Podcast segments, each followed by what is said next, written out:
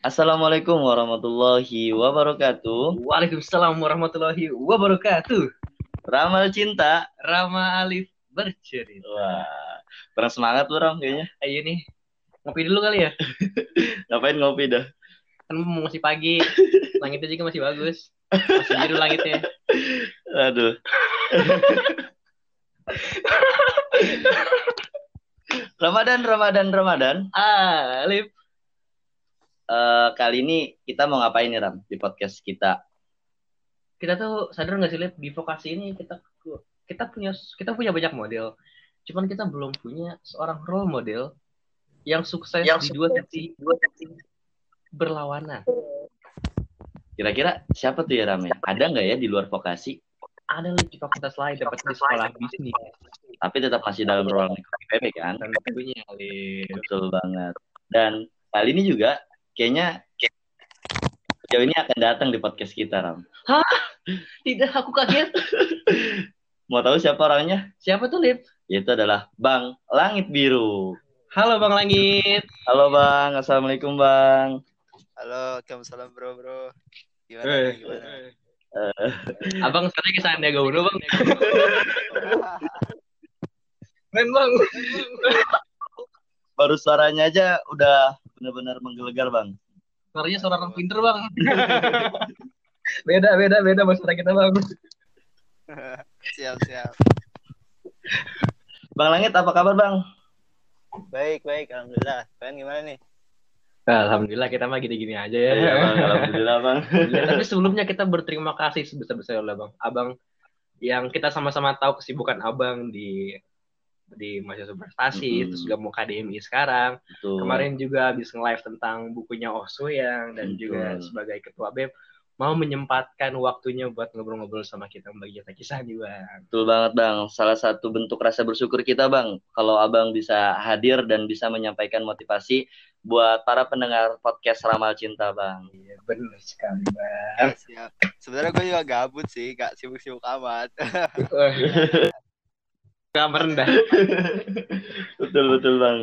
Eh tapi bang kan kalau kita ngomongin konteks IPB ya bang, banyak sekali anak-anak IPB yang sudah kenal sama abang. Apalagi di sekolah bisnis. Mungkin kalau kita ngomong nama langit itu orang-orang ingatnya bukan awan bang, tapi ingatnya langsung abang langit biru gitu. Tapi kayaknya beda halnya dengan di sekolah vokasi nih bang. Mungkin abang bisa kali ya memperkenalkan diri abang ke audiens-audiens kita yang mayoritas anak-anak sekolah vokasi. Betul banget Bang. Oke. Ya, perkenalkan teman-teman yang mendengarkan podcast keren ini ya nama gue Langit Biru, bisa dipanggil Langit. Gue sekolah bisnis IPB 2017 atau di IPB biasa 54 ya sebutannya. Eh, gue dari Tangerang, rumah di Tangerang. Terus ya gue di IPB alhamdulillah dikasih beberapa kesempatan lah untuk ikut di beberapa kepanitiaan dan organisasi seperti itu hingga saat ini diamanahkan jadi ketua BEM sekolah bisnis 2019-2020 itu sih paling Wah, mantep banget Bang. Baru eh, tiga tahun ya Bang di IPB, tapi sudah banyak banget diberi kesempatan oleh IPB dan saat ini juga Abang diamanahkannya cukup berat ya Bang menjadi Ketua Badan Eksekutif Mahasiswa SB. Terus juga saat ini juga eh, Abang diberi kesempatan untuk delegasi kompetensi debat mahasiswa Indonesia Bang dan kemarin tuh dari vokasi Bang sempat heboh juga tuh Bang ketika nama Abang ada gitu di KDMI Bang.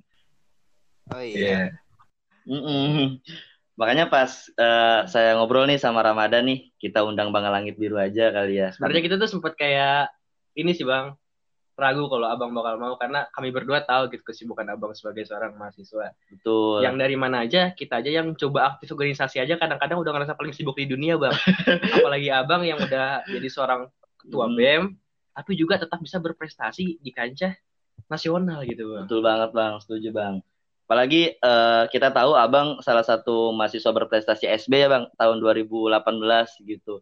Ini menunjukkan bahwa eh, Abang selain aktif berorganisasi, tapi Abang juga mampu untuk berprestasi gitu, baik buat diri maupun buat universitas gitu Bang. Bener banget Lip. Lip, buat ngomongnya Lip.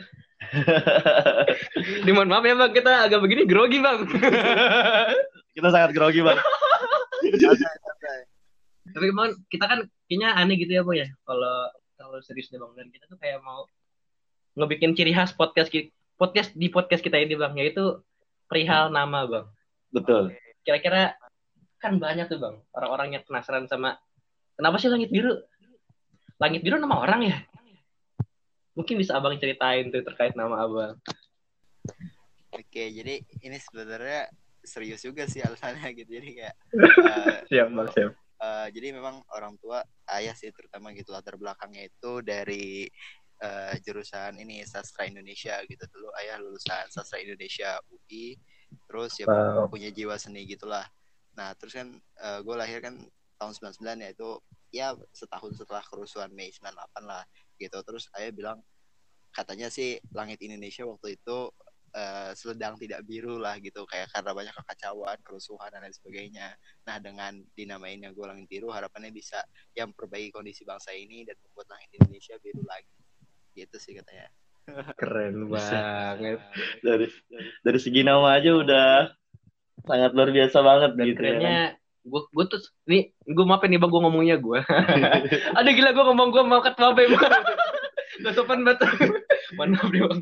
Gue tuh dulu mikirnya abang namanya langit biru gara-gara abang lahirnya pagi-pagi bang. Soalnya kalau sore-sore namanya langit senja.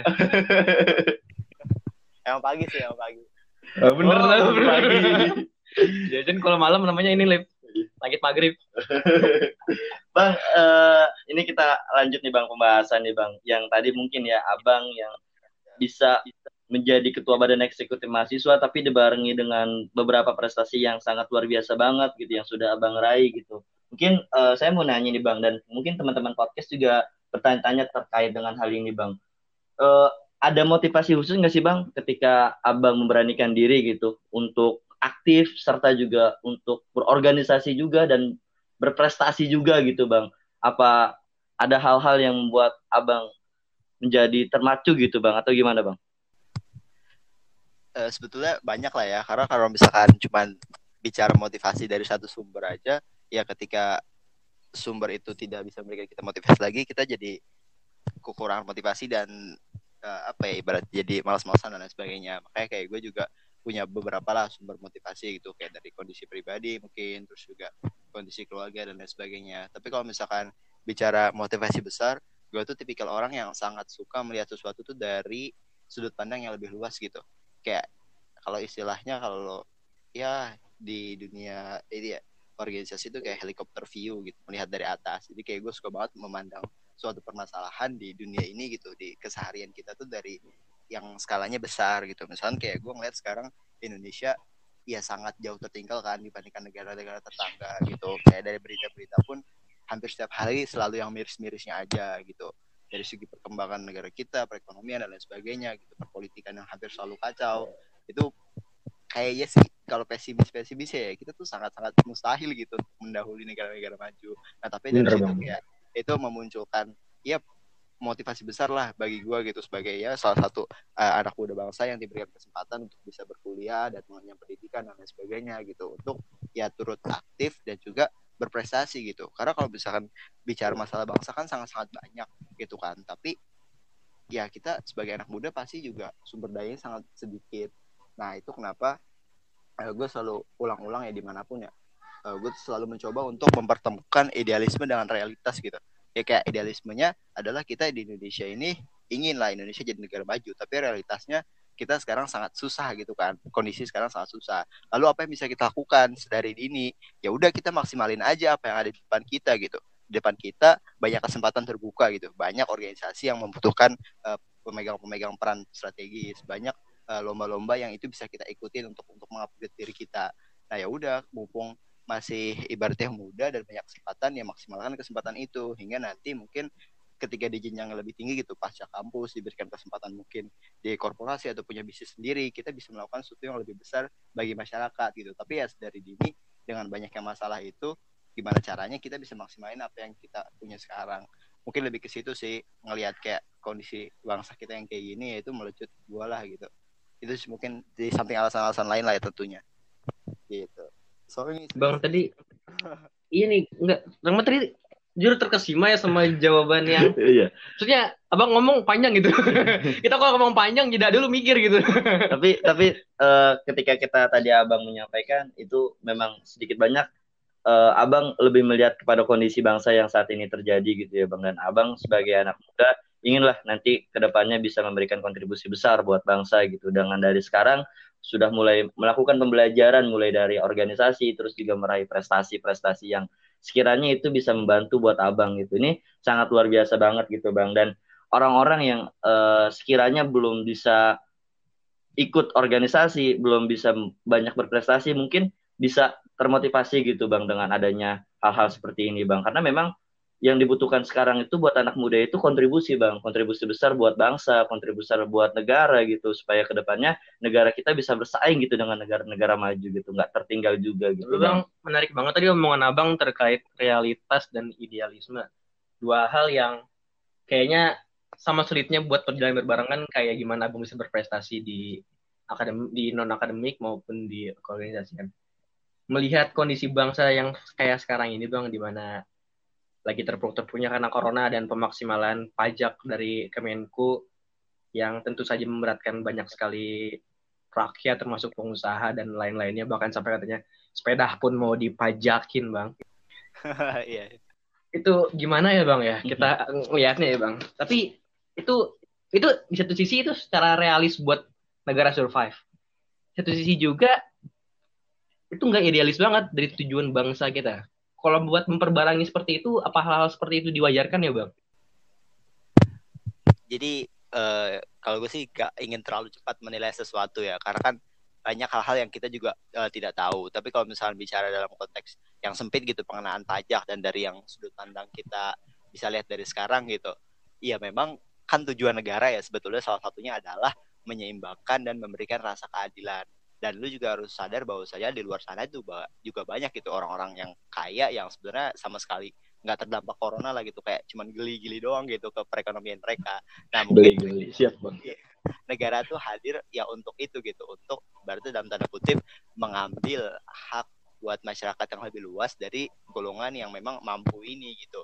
Jadi, jadi gimana caranya negara tuh kalau misalnya mengenakan pajak ya ya udah ke barang-barang atau hal-hal yang memang mereka gunakan gitu bukan masyarakat kecil yang menggunakan jadi kan dari situ kan kemudian bisa ada pendistribusian akumulasi kekayaan mereka gitu kan tapi kan salah silang ya bang Ah, kurang lebih kayak gitu. Tapi kan kadang salahnya kayak yang hal-hal yang biasa kita gunakan di keseharian gitu, misalkan apa eh, jajanan-jajanan, masya apa makanan-makanan gitu kan, yang UMKM UMKM gitu kan dikenain pajak Iya. yang tidak jauh berbeda nominalnya dengan dipajak orang-orang yang mungkin makanan yang di mall dan lain sebagainya. Nah, kadang di situ kan ketidakadilan bisa muncul juga kayak gitu sih. Tapi ya mungkin kita jangan terlalu cepat menilai sesuatu sih, karena betul betul banget bang ya itu. setuju Tapi kalau boleh sedikit kritis bang terkait UMKM kan gimana ya bang kalau penarikan pajak UMKM soalnya di Indonesia sendiri itu UMKM-nya itu mendominasi sekitar hampir 98% ya bang.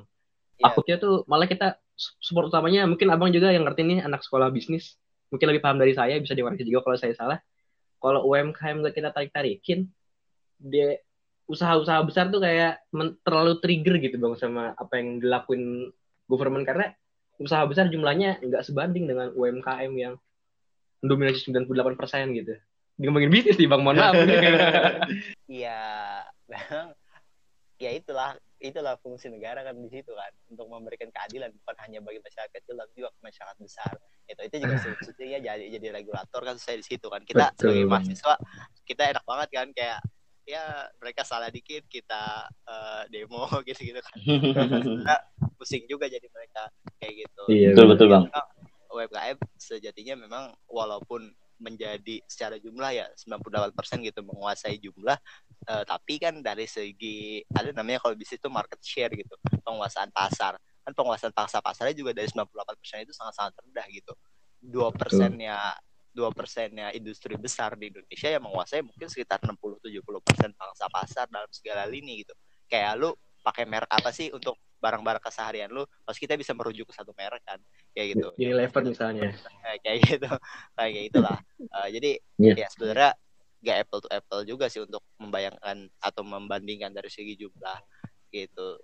Tapi ya betul. perlu lah. Pengenaan pajak ke semua perlu. Tapi kan dilihat dari nominal dan besarannya. Itu bagi yang ke industri besar ya besar industri kecil UMKM ya kasih lah dikit aja tapi betul betul banget bang setuju bang Tapi kalau gede-gede ngap juga ya bang ya. Nggak jalan yang ntar. Iya betul betul. Setuju sih bang sama abang kalau misalkan kita sebagai mahasiswa juga bang harus bisa menilai dari berbagai sisi gitu nggak hanya satu sisi gitu. kan. Helikopter view. Apa tuh? Kata dia. Aduh, gak dengerin nih bang. Aduin bang. Iya bang. Eh, lanjut lagi nih bang. Ya kan tadi bicara ada pandemi juga bang ya. Terus juga kita juga sebagai mahasiswa yang harus aktif berorganisasi dan juga harus berprestasi gitu bang.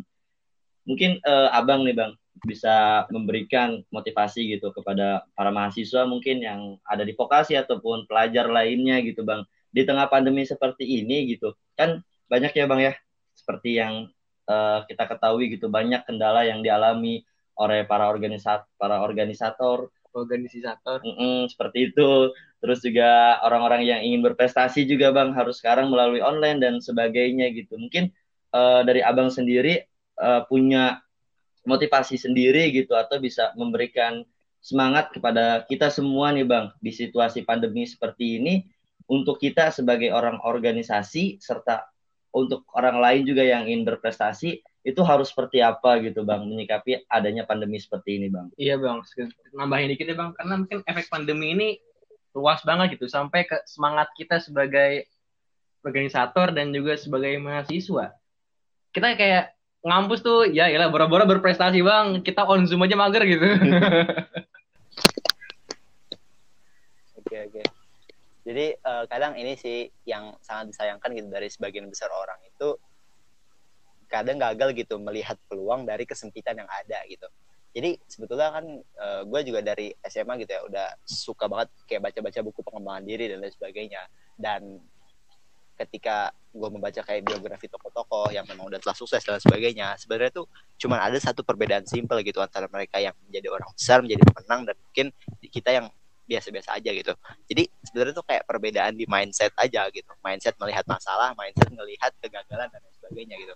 Ya, mereka orang-orang besar itu secara mindset gitu ketika, ngelihat masalah, mereka tuh bukan memandang itu sebagai masalah, tapi memandang itu sebagai peluang besar. Karena kalau bagi bisnis dan bagi pebisnis juga, ini gue diajarin di SP gitu. Ketika orang-orang itu mengeluh, ketika orang-orang itu teriak-teriak akan ada masalah, nah di situ sebenarnya ada peluang, di situ sebenarnya ada uang. Sebetulnya kayak gitu, gitu karena nah, misalkan contoh kayak kenapa Gojek bisa sukses banget gitu? Karena mereka ngelihat banyak banget orang yang mengeluh dengan uh, katakanlah ojek ojek pangkalan, Pangkalan. iya dengan yang kayak tarifnya nggak nggak jelas gitu terus kayak mungkin uh, kurang bersahabat dan lain sebagainya. Nah itu kan banyak banget keluhan dan di situ mereka hadir gitu.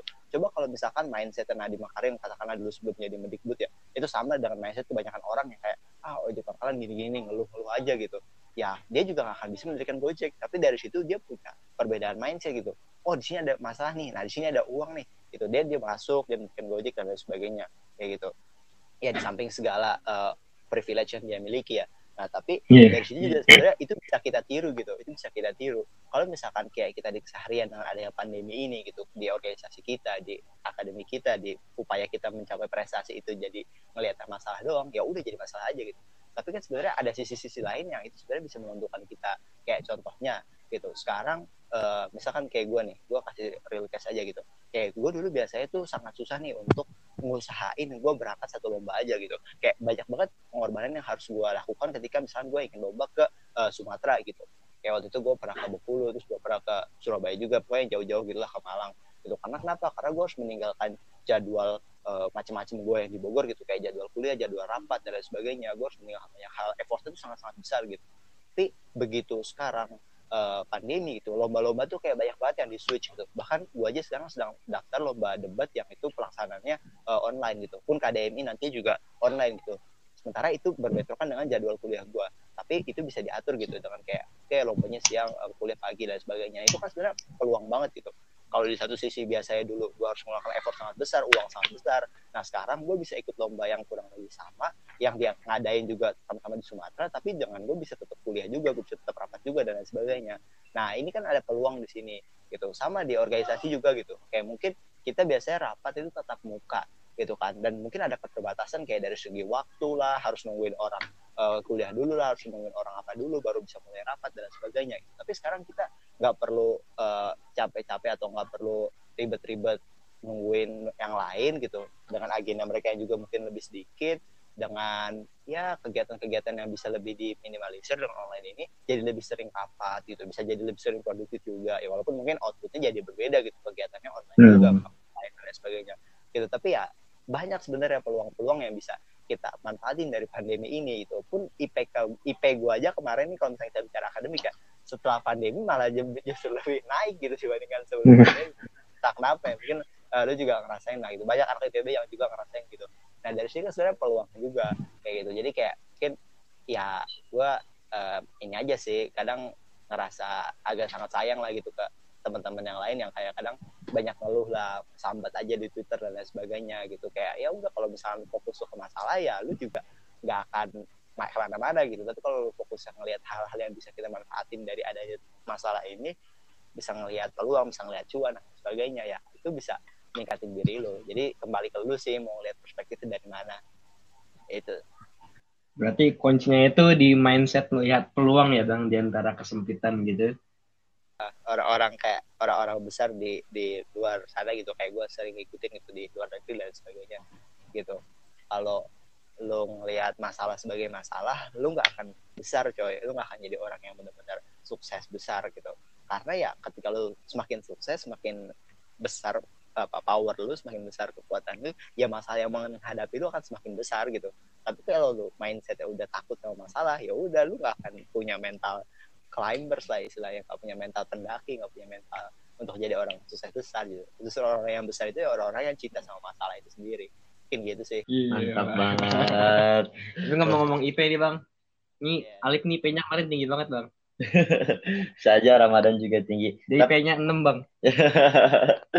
Tapi uh, setuju sih Bang sama Bang ya kalau uh, terkait dengan pandemi seperti ini bagi kita orang organisasi terus juga bagi kita seorang pelajar uh, kita jangan sambat. Mm, kita juga harus bisa melihat peluang kita gitu. Kita harus bisa memaksimalkan gitu apa yang memang harus kita bisa lakukan gitu saya, Bang. Saya pribadi lagi kayak ini sih Bang, mencoba ada proker di organisasi buat bangun seminar dan salah satu efek positif online gini tuh selain emang ngurangin esensi negatifnya, jadi lebih murah bang.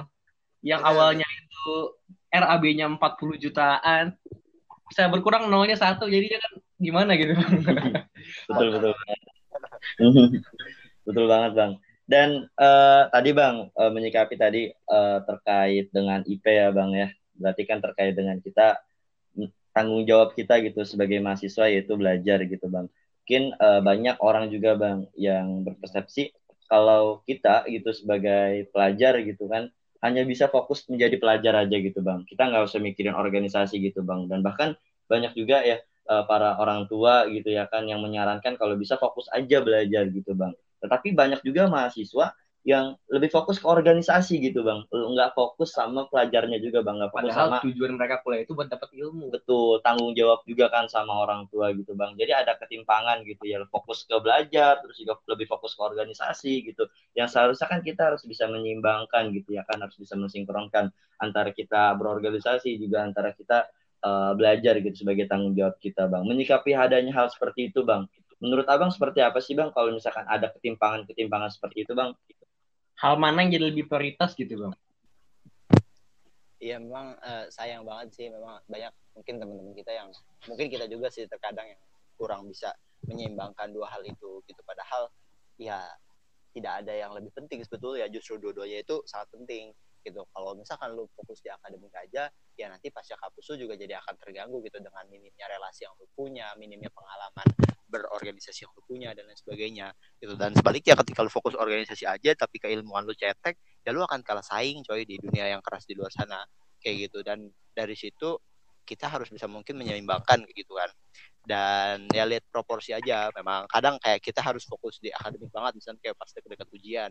Tapi di selain kayak kita kadang harus fokus banget di organisasi karena misalnya ada proker-proker besar harus kita laksanakan gitu. Ini masalah manajemen prioritas sama manajemen waktu lah kayak gitu. Memang uh, kadang susah untuk menyeimbangkan dua-duanya secara uh, jangka pendek gitu. Tapi kalau secara jangka panjang sebenarnya bisa-bisa aja gitu. Kayak di satu momen lu fokus ke ini di momen yang lain lu fokus ke sana gitu. Tapi intinya tidak ada kalau menurut gue ya tidak ada yang lebih penting justru. Ya lu harus punya dua-duanya itu karena dua-duanya akan saling melengkapi di uh, ke depannya.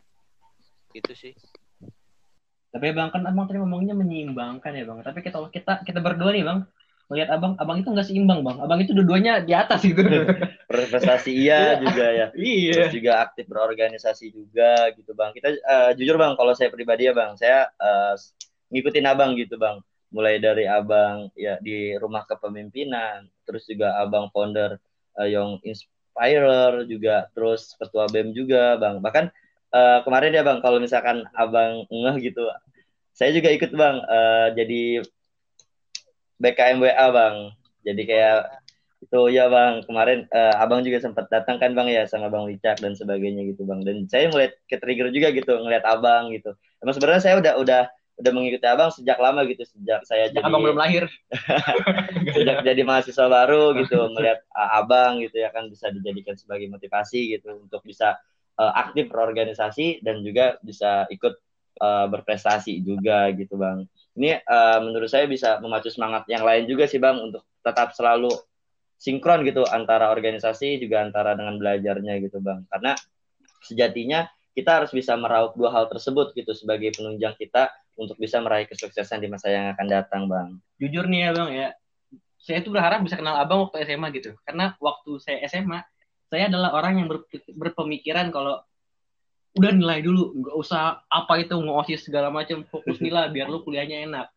Tapi kayaknya kalau saya ketemu abangnya jauh sebelum masa-masa itu bang mungkin saya bisa jadi orang yang lebih berguna bang dibanding saya saat ini bang. Terus sekarang Ramadan juga kan udah jadi orang berguna gitu kan ketua di Proker BEM SP bang Ramadan mantap banget gitu.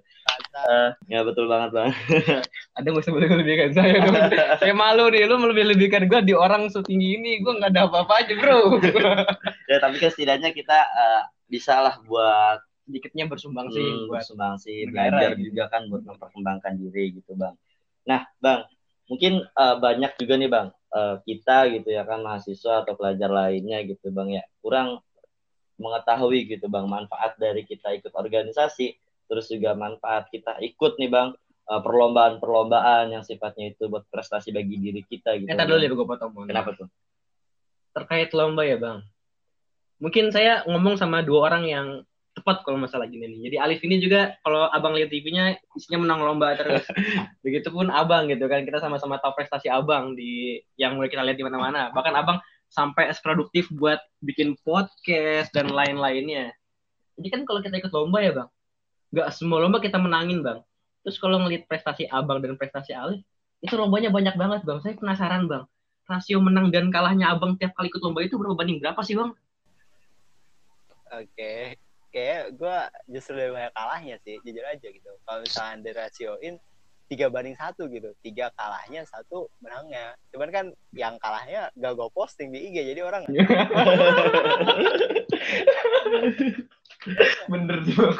Malu juga ya bang posting kalah ya.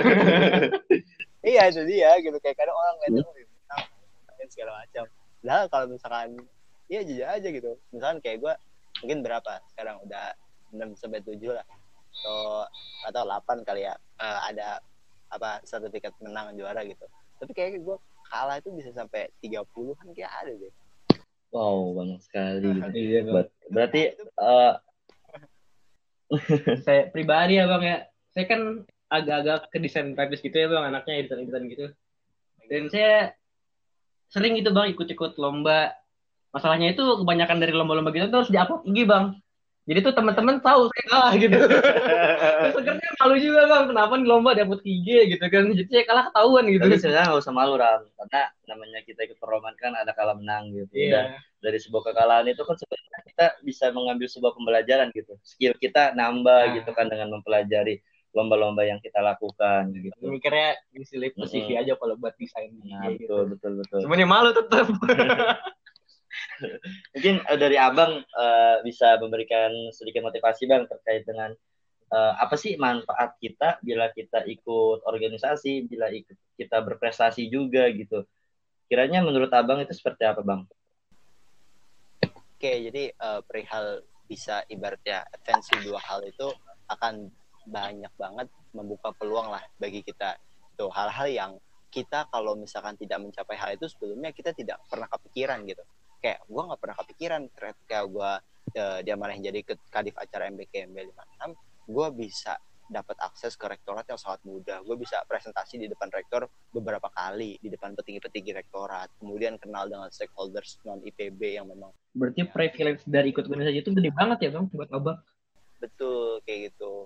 Dan ketika lu ibaratnya berprestasi juga lu prestatif juga nah lu mulai ibaratnya masuk radar orang-orang yang punya sumber daya lah gitu kira-kira. Kayak uh, eh, gue pernah dapat kerjaan dari alumni IPB yang karena mungkin dia ngelihat entah dari sosmed gue entah karena dikasih tahu sama temennya uh, dan dia sedang butuh orang untuk suatu pekerjaan. Dan dia dengan mudahnya menawarkan gue gitu. Dan itu tidak pernah kepikiran sama gue sebelum gue berprestasi itu sebelum gue ya ikut-ikut lomba dan sebagainya. Kayak gue ikut lomba ya udah gue pengen ikut lomba gue yang menang yang dapat uang dan sebagainya. Gue nggak pernah kepikiran kalau oh kalau misalnya gue ibaratnya menang lomba ini gue uh, mengambil amanah ini di organisasi itu akan meningkatkan ibaratnya kepercayaan dan integritas gue di mata publik gitu. Itu gue nggak kepikiran gitu. Jadi kayak buat lo yang ibaratnya masih berupaya gitu berusaha dan sebagainya pun gue juga masih berupaya lah meningkatkan terus lah ya. Itu banyak hal yang lu nggak akan kebayang lu akan bisa dapatkan ketika lu bisa berprestasi sekaligus juga bisa uh, ibaratnya berorganisasi dengan IP yang juga bagus dan sebagainya. Kayak gitu. Itu sih. Dan ya gue yakin banget lah gitu pasca kampus itu akan sangat membantu gitu. Dengan dijaring dengan relasi udah diketahui oleh beberapa uh, orang-orang penting gitu. Itu sih jadi effort yang abang keluarin buat keluar kota segala macam. Terus menyimbangkan antara rapat-rapat penting abang dan juga abang sebagai seorang pejuang lomba itu gak ada yang sia-sia ya bang? Gak ada yang sia-sia lah. Insya Allah lah. Gue yakin banget. Iya betul banget. setuju setuju sama sama tadi apa yang disampaikan sama abang gitu bang. Uh, mungkin nih bang. Bisa juga nih bang. Kan uh, kadang ya bang ya mungkin abang juga pernah merasakan gitu ya kan. Ini berbicara terkait dengan skala prioritas sih bang. Kadang kan kita ya bang sebagai uh, mahasiswa juga kan punya kesibukan di akademik. Juga kita mencoba untuk uh, mempersaingkan diri kita dengan cara berlomba. Terus juga kita aktif berorganisasi. juga, kita, uh, juga. kita juga punya kehidupan sosial juga. Nah mungkin kadang-kadang kan kita bentrok gitu ya bang ya. Mungkin kadang-kadang ada di suatu waktu yang sama gitu bang. Dan di situ kita harus main skala prioritas bang. Kalau dari abang sendiri gitu terkait dengan skala prioritas yang abang miliki itu seperti apa sih bang? Kalau bisa abang urutin gitu bang. Hmm. oke kalau misalkan bentrok kayak gitu ya agenda ya itu wajib hmm. organisatoris gitu. Apalagi kalau misalnya lu coba aktif di beberapa tempat gitu ya. Udah lu hadirin pertama uh, akan lebih baik ya. Kalau misalnya lu diundang hadirin yang lebih dulu mengundang lu gitu. Itu kalau lu diundang kalau lu itu adalah organisasi atau kepanitiaan lu sendiri lu cari tempat yang mana kalau lu nggak ada di situ organisasi atau kepanitiaan atau rapat itu jadi nggak jalan gitu tanpa lu misalnya kayak hmm. lu ada hmm. tiga rapat yang berbeda di satu waktu ya udah lu lihat mana yang sekiranya bisa lu uh, tinggal dengan kalau lu hadir di sana sebenarnya nggak akan terlalu banyak perubahan signifikan yang terjadi di rapat itu gitu. Lalu hadir di tempat yang lu penting gitu. Tapi sebenarnya hal itu juga apa ya gue kurang suka sih dengan ibaratnya uh, apa ibaratnya banyak banyak tabrakan gitu. Karena kurang yeah. lebih nanti mungkin integritas lu akan berkurang di mata teman-teman lu gitu. Kayak lu karena lu lebih pro ke daripada ke nih gitu ya bang. Orang-orang mikirnya ya. Iya dan lu kayak seakan ngambil banyak amanah itu untuk diri lu sendiri gitu. Padahal kan kayak kita ingin berkontribusi kan untuk orang lain gitu. Makanya lu harus perhatiin juga. Walaupun memang gak kemungkinan sekali dua kali pun kayak gue juga sering lah kayak gitu. Dan ini sih sebetulnya kuncinya juga ini sedikit tips dari gue ya. Kalau misalkan yeah. lu jadi kadifnya atau jadi kepala departemennya atau jadi ketua organisasi atau jadi ketua uh, prokernya lah ibaratnya gitu. Nah justru sebenarnya privilege lu gitu untuk nentuin tanggal rapat yang itu lu nggak bentrok. Jadi mending jadi ketua sekalian ya bang ya biar bisa nentuin nentuin gitu nih bang ya? Iya minimal lu jadi kepala divisi atau kepala departemen lah. Karena kayak gue juga ngerasain gitu kayak gue dulu uh, kadif asrat BMSD terus gue juga kadif acara terus gue juga uh, kadif apa yang lain gitu. Ya udah karena semuanya ibaratnya gue yang nentuin ya gue inilah gue atur atur lah itu bebas abang aja ya. Iya tapi ya perhatiin yang lain juga. Terus juga benar, benar, betul. ada mulai bentrok ya lu komunikasi misalnya ke sekretaris lu eh soalnya nih kayak gue nggak bisa ini nggak bisa nggak rapatnya digeser misalnya kayak gitu. Itu pinter-pinter lu aja sih main itu ya. Tapi kalau abang kayak fokus ke akad ke prestasi terus ke organisasian saya penasaran banget nih bang berapa jam tidur abang sehari? Ya mungkin ya empat sekali lima jam lah ya. Sama kayak Empat sekali lima jam. Nah, sebenarnya ini sih coy gitu. Kayak kadang orang-orang tuh eh, ngatur skala prioritas bisa ibaratnya ikut apa juga terus belajar dan lain sebagainya gitu. Eh, tapi kadang pertama ya orang tuh tidak mengurangi waktu main mereka gitu. Sebenarnya tuh kita punya banyak banget waktu coy gitu. Cuman tuh kayak kadang kita masih aja misalkan mabar masih aja kayak misalkan nongkrong nongkrong hangout. Itu kan buang waktu sebetulnya. Betul. gitu. sebenarnya gue gue kayak gue untuk tidur ya mungkin sama lah kayak teman-teman kebanyakan gitu. Tapi yang gue kurangin adalah ya gue tidak main game. Gue tidak sering nongkrong gitu. Kayak gue katakanlah selama Ih, gokil bang nggak main game. Terus dulu bang? Iya kayak Weh, gitu. kayak gue kayak gue hampir nggak pernah ini nggak pernah nongkrong kalau misalkan nggak ada agenda gitu. Kayak kalau misalnya itu agendanya ada misalnya kayak apa atau misalkan supporteran bahas apa gitu kan untuk oke kita pengen bikin chan atau kita pengen eh, misalkan eh, atribut-atribut oke gue datang di situ. Tapi kalau misalkan kayak eh ayo nongkrong lah di situ cuma nongkrong doang ya gue nggak nggak akan hadir gitu. Bahkan nggak pernah lah gue selama masa kuliah gitu. Memang ada trade offnya gitu ada pertukaran yang lo harus lakukan mungkin bagi sebagian teman-teman dulu akan dilihat kayak ah terlalu serius ah kayak nggak nggak nggak friend banget Ansos. nih, gitu, gitu Nggak kayak asik gitu ya. Gitu. Tapi kan lu bisa ibaratnya mengganti itu dengan setiap lu hadir lu bisa memberikan kebermanfaatan bagi mereka. Itu yang selalu gue upayakan itu kayak misalkan gue Hmm. gue sebagai ketua bem nih ya kayak kadang gue juga sering banget diajak kan sama anak-anak eh, supporteran dan sebagainya untuk nongkrong. Dan gue gue kayak sering banget nolak kalau misalnya itu tidak ada agenda spesifiknya gitu. Tapi gue juga hadir kalau misalkan memang itu ada agenda spesifik kan misalkan kayak ya tadi udah gue sebutin gitu ada hal yang ada yang hadir di situ. Nah tapi ketika lu hadir jangan cuma sekedar hadir gitu. Kalau misalnya itu jatuhnya rapat ya udah lu memberikan ide-ide lu yang itu solutif terhadap permasalahan yang sedang dihadapi oleh eh, mereka-mereka itu gitu. Di organisasi atau kepanitiaan pun sama gitu. Kayak kadang jadi hadirnya itu berkualitas ya bang? Bener jadi jangan kayak cuman hadir doang. Nah dari situ lu bisa ibaratnya trade off lah gitu. Dengan lu tidak hadirin nongkrong nongkrongnya anak-anak atau teman-teman kelas lu departemen dan lain sebagainya ya nggak masalah gitu. Mereka akan merasa oh ya udah nggak apa-apa lah dia dia dia sibuk di organisasi ini dia sibuk di panitian ini. Tapi ketika ada dia ya dia ngebantu kok kayak gitu itu akan Hmm. mulai mulai ini loh mulai apa ya ibarat orang-orang mulai paham lah mulai respect ya bang? Bener sama sih sebenarnya kayak waktu gua pengen maju nih jadi ketua BMSB nih gitu kan. Kayak gue jarang banget nongkrong sama anak SB gitu. Kayak waktu gua habis untuk ya di BMSB waktu itu gue di BEM sih di jadi kadep gitu. Gue kayak seringnya rapat-rapat aja. Terus kayak gue kan bolak-balik Dramaga kan gue tinggal di Dramaga gitu. Gue juga eh, ada eh, MPKMB kan waktu itu ngurus MPKMB yang mana itu rapatnya hari lah gitu bahkan Sabtu Minggu juga. Dan jadi kayak ketika ada ajakan nongkrong misalnya sama teman-teman SB gue misalnya Sabtu atau Minggu nah, di mana lah gitu. Ya gue nggak nggak pernah bisa gitu. Tapi ya ketika memang di kelas itu lagi ada sesuatu hal yang dikerjakan bersama gitu misalnya kayak entah itu tugas kerja kelompok kah atau itu ada garapan angkatan bareng lah ya gue coba ngambil kontribusi di situ gitu. Ketika eh, anak angkatan lagi bikin acara ya gue jadi kadifnya misalnya salah satu di situ gitu. Jadi kayak gue hadir memberikan kebermanfaatan walaupun mungkin bukan di hal-hal yang saat lagi santai-santai. Mungkin itu sih yang mungkin orang lain kurang kurang inilah kurang kurang ngerti. Uh, Hmm. kayak mereka main-main aja itu akan membuang-buang waktu lu lu gak akan bisa mencapai banyak hal kalau misalnya lu masih banyak main. Udah aja sih. Betul, betul, ngomong ada bang kayak bokap saya bang. Sama saya nggak boleh main soalnya bang.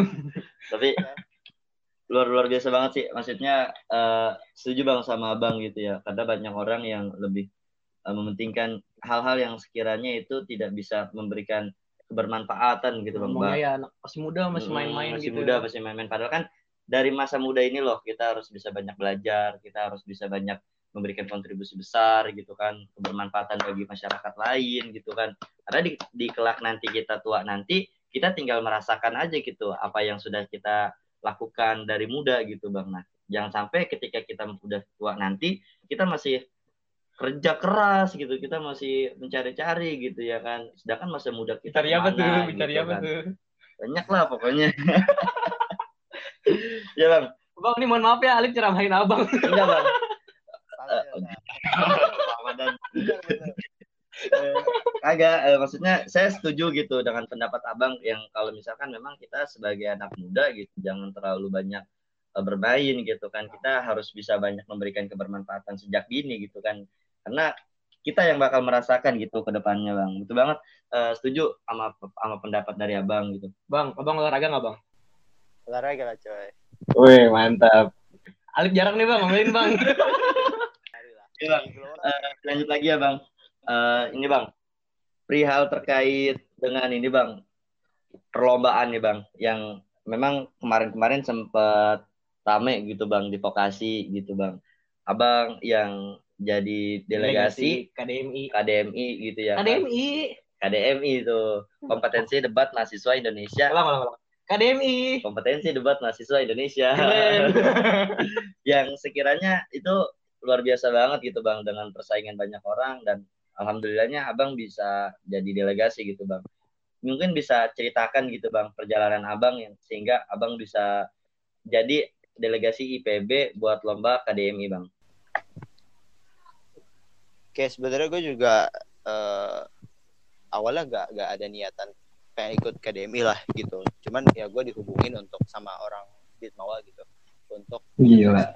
dan karena itu dihubungin mereka itu ini KDMI itu bukan kayak cuman lo ikut langsung ibaratnya lo delegasi kampus terus kayak lo langsung bisa eh, tembus ke nasional gitu. Jadi kayak ada eh, seleksi per wilayahnya dulu tuh kayak IPB sebagai salah satu eh, kampus yang di Jawa Barat ikut seleksi wilayah mana. Nah, di seleksi wilayah itu ada seleksi berkasnya juga untuk dapat poin gitu.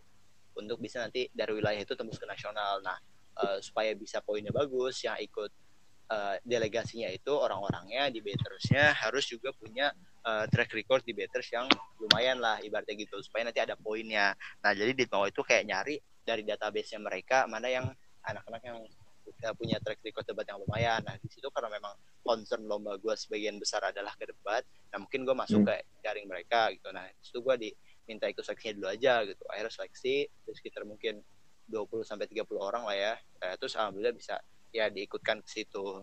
Gitu sih. mantap mantap bang Ngomong-ngomong semangat ya bang buat lombanya. ya bang betul Eh, Semangat. kita Buat IPB. IPB. Jigda ya kita semua mendukung abang Sekolah bisnis.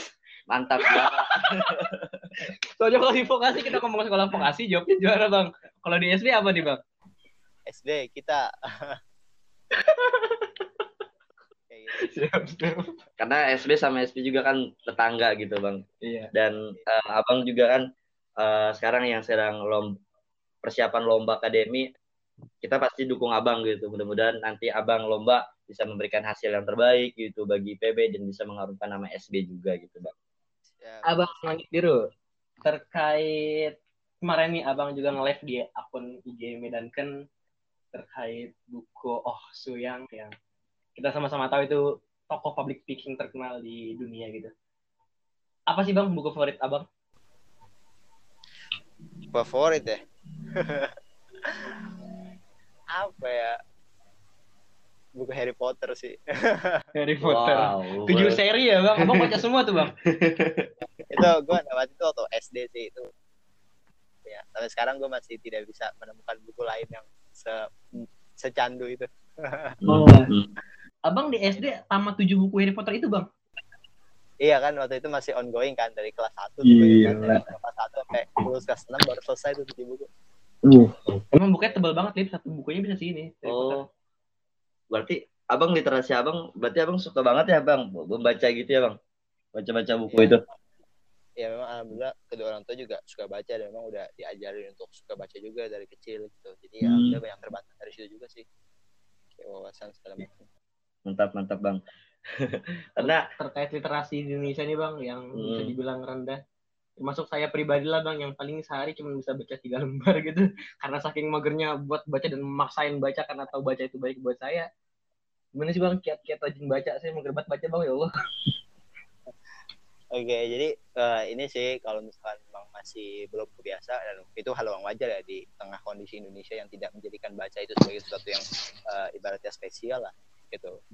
gue selalu berupaya untuk ini sih untuk menanamkan kebiasaan-kebiasaan itu dan ini bukan cuma tips untuk membangun kebiasaan baca ya tapi juga membangun kebiasaan lainnya. Gitu. Jadi kayak gue gue setiap hari itu punya list apa-apa aja yang harus gue lakukan di hari itu dan itu sebenarnya ringan lah gitu Eh, dan gue menggunakan kayak semacam aplikasi eh, untuk checklist checklist itu gitu untuk memudahkan jadi kayak gue punya sederet eh, bentuk kebiasaannya itu udah gue gua biasakan dari dulu gitu. Kayak gue ini gue kasih contoh kayak gue punya kebiasaan untuk baca satu berita bahasa Indonesia dan satu berita bahasa Inggris setiap hari gitu. Dan setelah gue baca gue checklist itu di di aplikasi itu. Terus kayak gue juga punya kebiasaan untuk baca ya minimal sesibuk-sibuknya gitu kayak lima halaman buku setiap hari dan tiga artikel analisis gitu. Jadi uh, gue baca satu, uh, tadi ya satu berita Indo satu berita Inggris terus lima halaman buku. Kalau gue pakai aplikasi gue gak kadang susah kan kalau baca buku langsung ya. Gue pakai aplikasi Gramedia digital kalau gue tahu gitu kan.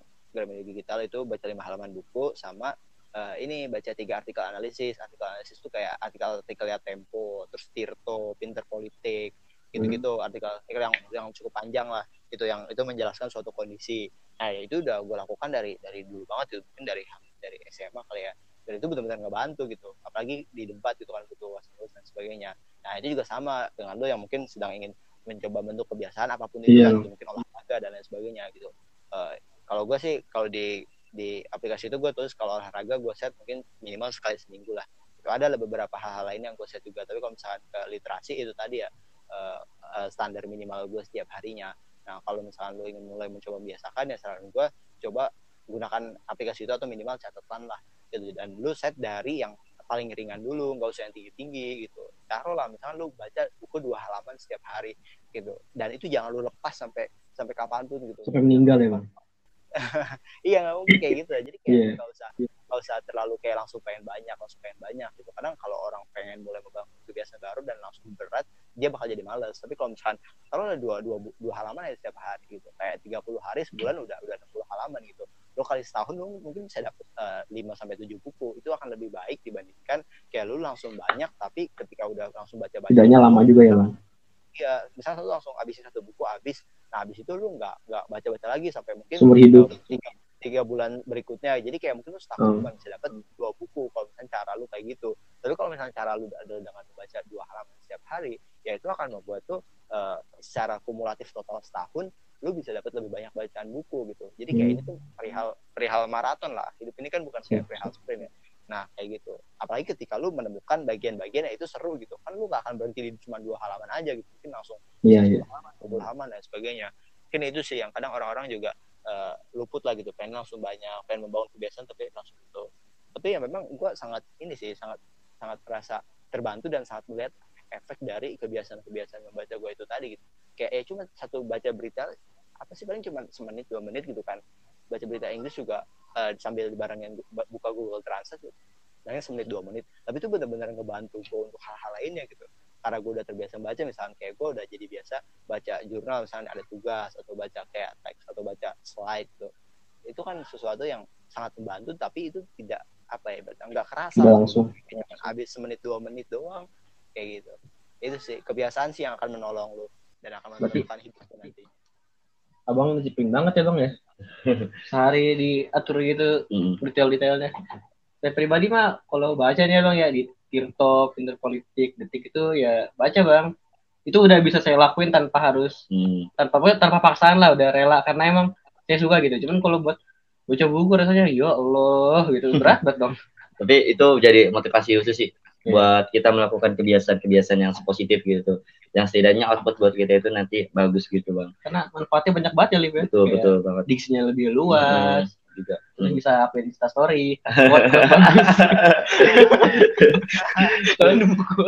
betul betul bang bang uh, terakhir nih bang uh, buat saya dan Rama dan juga teman-teman podcast yang mendengarkan podcast Ramal Cinta. Rama Alif bercerita. itu uh, mungkin abang bisa memberikan motivasi semangat uh, untuk kita yang saat ini sedang belajar, untuk kita yang saat ini sedang berorganisasi, dan untuk kita juga yang saat ini sedang banyak melakukan perlombaan-perlombaan gitu bang. Dari abang bisa memberikan suntikan motivasi gitu kepada kita untuk lebih semangat lagi bang. Silahkan abang langit gitu.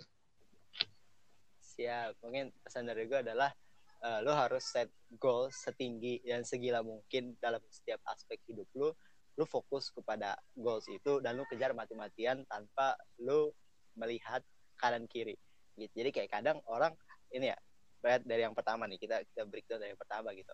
Orang punya goals tapi terlalu takut gitu. Pesan kayak lu pengen punya goals di organisasi lu ya udah lu set aja oke okay, gue pengen jadi ketua OB misalnya oh atau gue pengen jadi ketua hipro atau gue pengen jadi apa gitu. Set goals itu kemudian lu fokus kejar itu gitu. Sama halnya mungkin dengan di, di prestasi gitu. Apa sih uh, goals tertinggi dari lu karir prestasi lu di kampus? Misalnya mahasiswa berprestasi oke lu set goals lu pengen jadi mahasiswa berprestasi. Dari situ karena apa? Karena kalau misalkan goals lu adalah terlalu rendah lu motivasi lu juga jadi rendah. Tapi ketika motivasi lu adalah untuk jadi seorang yang paling di atas gitu lu akan ibaratnya terpacu juga gitu. Pun ketika lu tidak berhasil mencapai hal itu pasti prestasi lu akan jauh di atas rata-rata gitu. Kan kayak lu upaya belajar yeah. masuk berprestasi gitu. Dan lu udah lu set goals itu lu fokus gitu. Nah dari situ ketika lu nggak berhasil pasti lu udah banyak menang lomba-lomba juga dalam upaya lu mencapai hal itu nah itu kadang yang orang tuh teman-teman kita mungkin ya uh, ambis lu ambis. men-set goals tinggi aja tuh nggak berani gitu kayak oh, siapa sih iya. kayak gitu. Nah terus di sisi lain juga lu harus fokus dan lu harus tidak melihat kanan kiri yang tadi gue bilang ya ini maksudnya apa sih? Maksudnya adalah ya kadang ketika lu menuju ke sana juga pasti banyak banget hal yang harus lu korbankan gitu. Ketika lu ketika lu mencoba berprestasi misalkan lu harus berangkat lomba ke sana kemari lu harus mengorbankan banyak banget uang lu gitu. Dari situ mungkin banyak orang-orang yang kayak ah udahlah kalau saja gue aja uang terbatas gue aja caranya nggak bisa makanya susah apa gue lomba gitu Padahal sebenarnya banyak banget jalan untuk lu bisa prestasi. Misalkan kayak lu mencari pendanaan, ngajuin proposal, minta mungkin saudara lu dan sebagainya gitu. Ya cuma lu aja yang nggak mau berusaha. Nah dari situ ya pesan gue adalah ketika lu ingin sesuatu, lu harus capai itu gimana pun caranya dan apa pun pengorbanan yang harus lakukan gitu. Kekuatan tekad itu sangat penting, coy. Serius, kekuatan tekad itu sangat penting gitu. Dan gak banyak mungkin orang-orang yang sadar akan hal itu gitu. Kayak ketika mereka menemukan hambatan, sih udah mundur gitu. Padahal kalau kalau hambatan ya pesan gue adalah lu terjang terus gitu. Kayak orang-orang yang lu dalam tanda kutip jadikan idola misalnya dalam tanda kutip jadikan panutan pasti mereka udah banyak banget melakukan pengorbanan dan lu nggak sadar aja gitu. Nggak ada gue gue termasuk orang yang nggak terlalu percaya dengan hal privilege ya gitu. Kayak mungkin ada orang-orang yang memang dari lahirnya itu dari keluarga yang kaya misalkan katakanlah. Gitu. Nadiem Makarim yang abang sendiri tadi kala-kala kayak gitu kan tapi sebenarnya ya itu juga tidak akan membawa banyak perbedaan ketika mereka pun apa ya secara motivasi. gitu. uh -uh. dan ketika lu berbicara privilege terlebih dahulu gitu berbicara privilege di depan kayak oh gue pengen jadi mapres tapi saingan gue kayak dari orang kaya misalkan. Lu akan ngedown duluan gitu. Sementara hal itu jelek banget gitu. Jangan membuat hal-hal eksternal itu menghambat motivasi lu. Kayak gue mungkin bukan dari keluarga yang kaya raya gue biasa-biasa aja gitu. Tapi ya gue gue mengorbankan banyak hal dan akhirnya ya gue bisa dikatakan bisa mengalahkan mereka-mereka yang punya privilege sendiri gitu. Makanya ya pesan gue itu tadi sih lu set goals tinggi jangan takut lu fokus ke sana lu kejar sampai lu benar-benar ya mendapatkan hal itu gitu. Pun ketika lu gagal lu akan mendapatkan banyak hal yang di atas rata-rata. Kira itu sih. Setuju. Bermimpi besar berani gagal. Iya. wah mantap sekali. Ya ini podcast berisi banget ya. Kayak badan dulu. Bang Langit, terima kasih banyak Bang Langit sudah menyempatkan waktunya di podcast Ramal Cinta dan saya sangat bersyukur banget Bang uh, bisa ngobrol bareng sama Abang, Abang bisa memberikan motivasi buat kita, buat para pendengar podcast juga. Mudah-mudahan uh, Bang Langit selalu diberikan kesehatan, Amin. diberikan kekuatan, Amin. amanah di kampus, terus Maupun juga di KM. Uh, terus juga uh, Abang saat ini sedang lomba juga mempersiapkan lomba akademi dan kita semua mendukung abang. Semoga abang sehat-sehat terus ya bang dan selalu bisa menebar kebermanfaatan, selalu memberikan inovasi. Kita sangat bersyukur banget bang bisa ngobrol sama bang. Jujur bang, saya juga menjadikan abang sebagai role model juga bang. Karena panutanku gitu. Karena saya juga saat ini sedang ini bang, sedang diamanahkan buat di MPKMB juga bang dan kemarin juga koordinasi sama kadip acara Sarjada juga banyak berikan kata-kata dari abang juga gitu ya kan yang disampaikan ke vokasi gitu. Kita sangat bersyukur uh, bisa ada gitu bisa ngobrol sama abang gitu bang. Ini dari Rama. Saya nggak bisa banyak ngomong sih bang. Saya terkesima sama jawaban-jawaban abang. Ya luar biasa bang. Semoga berisi banget soalnya bang pembahasan betul, kita betul nih. banget. Semoga podcast ini ya. Betul banget. Semoga podcast ini uh, bisa bermanfaat juga ya bagi teman-teman vokasi, juga bagi para pelajar lain dan orang-orang yang pengen berprestasi tapi juga pengen berorganisasi. Betul banget, setuju. Mudah-mudahan ini bisa menjadi ladang pahala juga lah buat saya, buat Rama dan juga buat Abang. Sekali lagi, atur nuhun Abang Langit. Iya, terasa 54 55 menit padahal rencananya cuma berapa menit? 15 menit. Cuman karena topiknya sangat berisi, Sangat berisi dan- jawabannya menggugah. Semangat lagi Ram ya. Nah, makasih banyak juga kesempatan doa-doanya. Semangat lah kalian. Mantap. Siap bang. Siap, siap. Langsung aja. Eh, Pandangan Amin. Nanti mungkin bakal kita siarinnya nggak dalam waktu dekat bang, karena nunggu panas dulu gitu. Oke, siap. Apa-apa. Mungkin langsung aja kita closing ya bang. Siap, Bang. Siap. Makasih ya, Abang. Terima kasih, Bang Langit. Oke, bagi teman-teman podcast, eh, terima kasih juga sudah mendengarkan podcast Ramal Cinta kali ini dan Sampai hampir satu jam. sampai satu jam Terima kasih dan banyak telah mendengarkan dan semoga apa-apa yang Bang Langit berikan dapat bermanfaat ke teman-teman maupun kita sebagai author. betul banget dan tetap terus pantengin podcast Ramal Cinta karena Ramadan dan Alif Akan terus bercerita. Ramal cinta. Ramadan Alif bercerita. Bercerita. Wassalamualaikum warahmatullahi wabarakatuh.